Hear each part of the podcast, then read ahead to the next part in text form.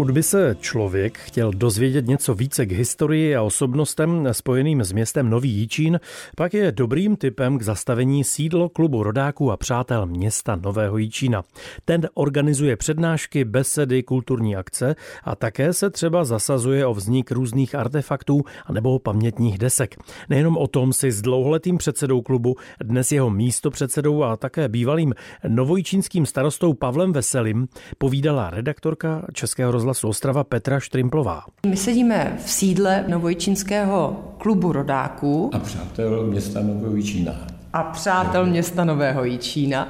Jeho činnost je pestrá, ale dívám se na jednu stěnu v interiéru, kde jsou tedy zdokumentované pamětní desky, za kterými ten klub taky stojí, nebo konkrétně i vy. To je zase má zkušenost z doby, kdy jsem byl na radnici že eh, lidé trošku postrádali právě to, aby se ti rodáci, kteří proslavili to město, na které se zapomínalo, ono totiž většinou to byli německy hovořící lidé, umělci, a my akorát jsme se dokázali doslechnout, jo, ta ulice se jmenovala Švarcova, ta se jmenovala Fajtová, ta se jmenovala Bardigova, ale víc jsme se nedověděli. No a to mě osobně hodně draždilo a zlobilo a tak eh, pak, eh, když byl na to ten čas eh, důchodcovský, tak jsme postupně, to je přímo, řekněme, jsme cítili jako jakési i poslání našeho klubu, že jsme dokázali, pokud ještě existovaly eh, rodné domy těchto mhm. osobností, na ně umístit pamětní desku, která tyto lidi připomínala. No a... Tak pro ilustraci, aby ten člověk si představil, které všechny ty osobnosti nebo některé z osobností jsou spjaty s Novým Čínem. Mnohokrát už jsme zprostředkovávali polárníka, Eduarda Rytíře z Orlu. Je tady model pamětní desky Maxe Mannheimera, spisovatele, malíře, humanisty, čestného občana města Hugo Bar, významný secesní malíř Karl von Schwarz, zmiňoval jste Švarcovou ulici, evropský stavitel železnic a pak je tam bysta malá Augustina Hykla, což je samozřejmě jméno velmi známé, spojené s výrobou klobouků, zakladatel továrny na klobouky, takže Toto všechno klub rodáků zastřešil svými křídly a díky té iniciativě, aktivitě na spoustě těch objektů Nového Čína se ty desky vyskytují, člověk si může projít, podívá se, zvedne hlavu, počte si. Já bych ještě, aby jsme nepřehledli jednu významnou osobnost, dneska slyšíme opakovaně, energetické problémy vytápění se řeší pomocí tepelného čerpadla. Už to čtu. Nikdo nevěděl, ani my jsme dlouho nevěděli, že se člověk, který se strojil první tepelné čerpadlo v tehdejší monarchii v ano. Rakousku, narodil v Novém Míčině. Petr Ritter von Rittinger, tento byl, oni jsme dlouho nevěděli, že to je vlastně taky náš člověk. A samozřejmě, když ne, neexistuje domek, tak jsme ho umístili vedle nejbližší budovy, což se komentovalo přirozeně. No ale když ty domky opravdu chybí, protože v těch 70. letech se tady hodně ve městě řekl bych, řádili buldozery a hodně ulic taky zmizelo a budov, tak jsme museli třeba vymyslet takovou věc, že jsme se nacházeli v místě, v jehož okruhu 40 metrovém, řekněme, se narodili tři lidé, mm-hmm. o kterých svět ví. My o něm nevěděli, tak jsme postavili památník, eh, říkáme mu trojpamátník, který Aha. nám připomene, že se v té bývalé ulice Ztracené, tak se jmenovala, ona se skutečně ztratila později, narodil významný člověk, kterého znají motorističtí fandové, a byl to Alfred Neubauer, který asi po 30 let byl šéfem závodní stáje Mercedes a dovedl ty vozy Mercedes, zejména pak byl znám ten stříbrný šíp, k neskutečně dlouhým a mnohým vítězstvím dlouhou dobu. Byl prostě jednička ten jeho tým. Narodil se. díváme teda na památník, na fotografii je tady na stěně v interiéru, tak tam jsou ještě teda další dvě jména, kromě Neubauera. Ano, a e, další jméno jsem chtěl říct Anton Kolik. Byl to vedle Egona Šíleho, Oskara Kokošky, snad Klimta, to byl jeden z největších představitelů expresionismu, takže ten se tam taky narodil, oni sousedili zahradama. No a naproti přes cestu se narodil člověk Julius Nevald, který se stal starostou Vídně v době, kdy se stavěla okružní třída ve Vídni, kdy se stavěla radnice, čili jeho jméno je taky na vstupní desce do vídeňské radnice.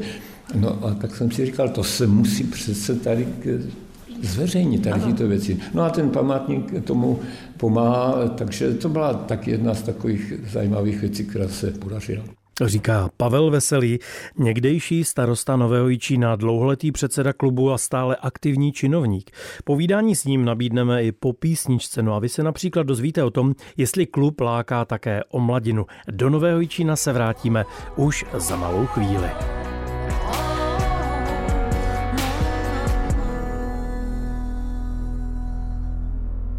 Tady je Český rozhlas Ostrava. Posloucháte pondělní pořad Dobré odpoledne. Klub rodáků a přátel města Nového Jičína nabízí své členství všem občanům, kteří mají rádi své město. Chtějí o něm vědět více a také se případně podílet na jeho rozvoji. Dlouholetým činovníkem klubu je jeho stávající místopředseda, někdejší starosta a čestný občan města Pavel Vesely, kterého pozvala k mikrofonu redaktorka Petra Štrimplová a zajímala se o činnost klubu. Pamětní desky jsou jednou z aktivit. Co ještě eh, klub rodáků inicioval, nebo eh, co je takovým dalším výraznějším počinem? My jsme pochopitelně eh, po těch zkušenostech a díky taky členstvu našeho klubu, kde byli i publicisté, ředitel archivu, pracovníci muzea, ale spousty dalších sběratelů, takhle to ještě musím říct taky, tak jsme využili ten potenciál, který tady je a my jsme v souvislosti s touto činností publikovali eh, poměrně pravidelně, jednak ve zpravodaji, ale zejména vzniklo 12 publikací, které mm. hovoří o těch rodácích, které jsou jakýmisi průvodci starým novým činem, ale třeba i o malíři Teď jeho desku jsme taky umístili na jednu z významných budov Eduardu Fajtovi. Jsme vydali publikaci, která byla velmi hodnocená takže to jsou ty další aktivity, které děláme ve prospěch toho, aby lidé věděli, jak ten nový čin je inspirativní pro mnohé. A tady musím říct, že, a připomenout, že s ohledem právě na tu historii, když byl nový čin po válce, z velké části prostě řeklo by se výměna obyvatel, to je to asi správné decentní slovičko. Proto i taky to musím předestat, se vás doplnit, že to nejenom klub rodáků, ale i přátel města, protože mnozí, kteří cítili a už začali srůstat s tím městem, pořád ještě nebyli řádnými patrioty. A ty jsme taky lákali a to se velmi osvědčilo, protože těch rodáků z té doby už moc jako není, kteří tady byli, řekněme, ještě v době předválečné nebo těsně poválečné. Tak to bylo to všechno, co jsme chtěli prezentovat těmi našimi publikacemi. No a tomu jsem velmi rád. Ještě otázka Teď. snad ne, nepatřičná, pane Veselý, vy jste který ročník? 41, 1941. Nabízí se otázka, jestli klub rodáků a přátel města Nového Jičína má nějakou sekci o mladina. No, jako všechny spolky podobné, přirozeně lákají a částečně se to daří i mladé lidi. A... Tam mě napadá, že by mohla být ta linka přes jako příbuzenské synové dcery, vnoučata. Ano, musím je taky členem, ano, přirozeně, jinak to nejde. E, takže jo, to se děje, ale myslím si, že pořád s ohledem na dobu, e, jaká je mladí lidé jsou zahrnováni vším možným že informacemi, zejména Někdy je to cesta, jejich cesta přes ten počítač, přes mobil, aby se dověděli o tom, co by měli o svém městě vědět.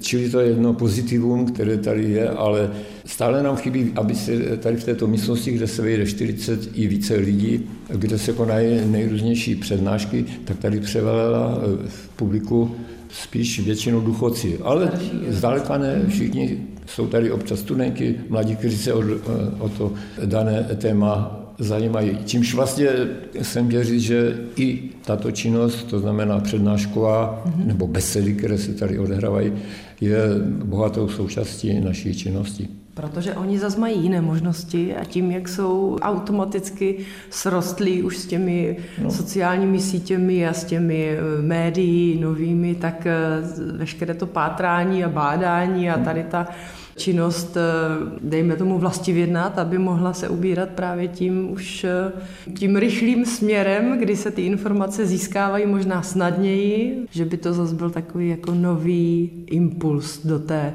činnosti klubu. No, myslím si, že to funguje, i to vidíme na těch besedách. Poměrně velmi často se zapojují právě mladí lidé s informací, kterou my jsme ani nestihli ještě přijmout. Takže je to velmi pozitivní, že se objevují tady mladí lidé, ale jen houšti, jen houšti, říkáme si vždycky. Tak. Jinak další velmi významná část naší činnosti je putování po stopách těch rodáků, což dříve nebylo možné přirozeně. A opravdu, když řeknu, že jsme absolvovali, respektive já jsem sám připravoval asi 15, možná 16 zahraničních cest. Teď myslím ty větší cesty vícedenní, kdy tady přirozeně dominuje Rakousko, Vídeň a různá města v Rakousku, ale jsou to další místa. Holandsko neměli připravené, to bohužel kvůli koroně nevyšlo, ale Itálie, kde máme partnerské město, Francie, kde je naše partnerské město, Německo přirozeně, Polsko, Slovensko. Eh, takže jsme procesovali hodně, hodně míst a lidi žasnou, co všechno... Kam ty se... vazby se táhnou, kde ty ano, přesně jsou. A, a to je velmi populární. My nemáme problém s obsazením autobusu a, a když tak pozveme klidně i nečleny našeho spolku. Jsou vděční za to, že se i v té cizině doví hodně o našich lidech. Říká dlouholetý bývalý předseda klubu a taky dlouholetý někdejší starosta města Pavel Veselý z Nového Jičína Petra Štrimplová, Český rozhlas.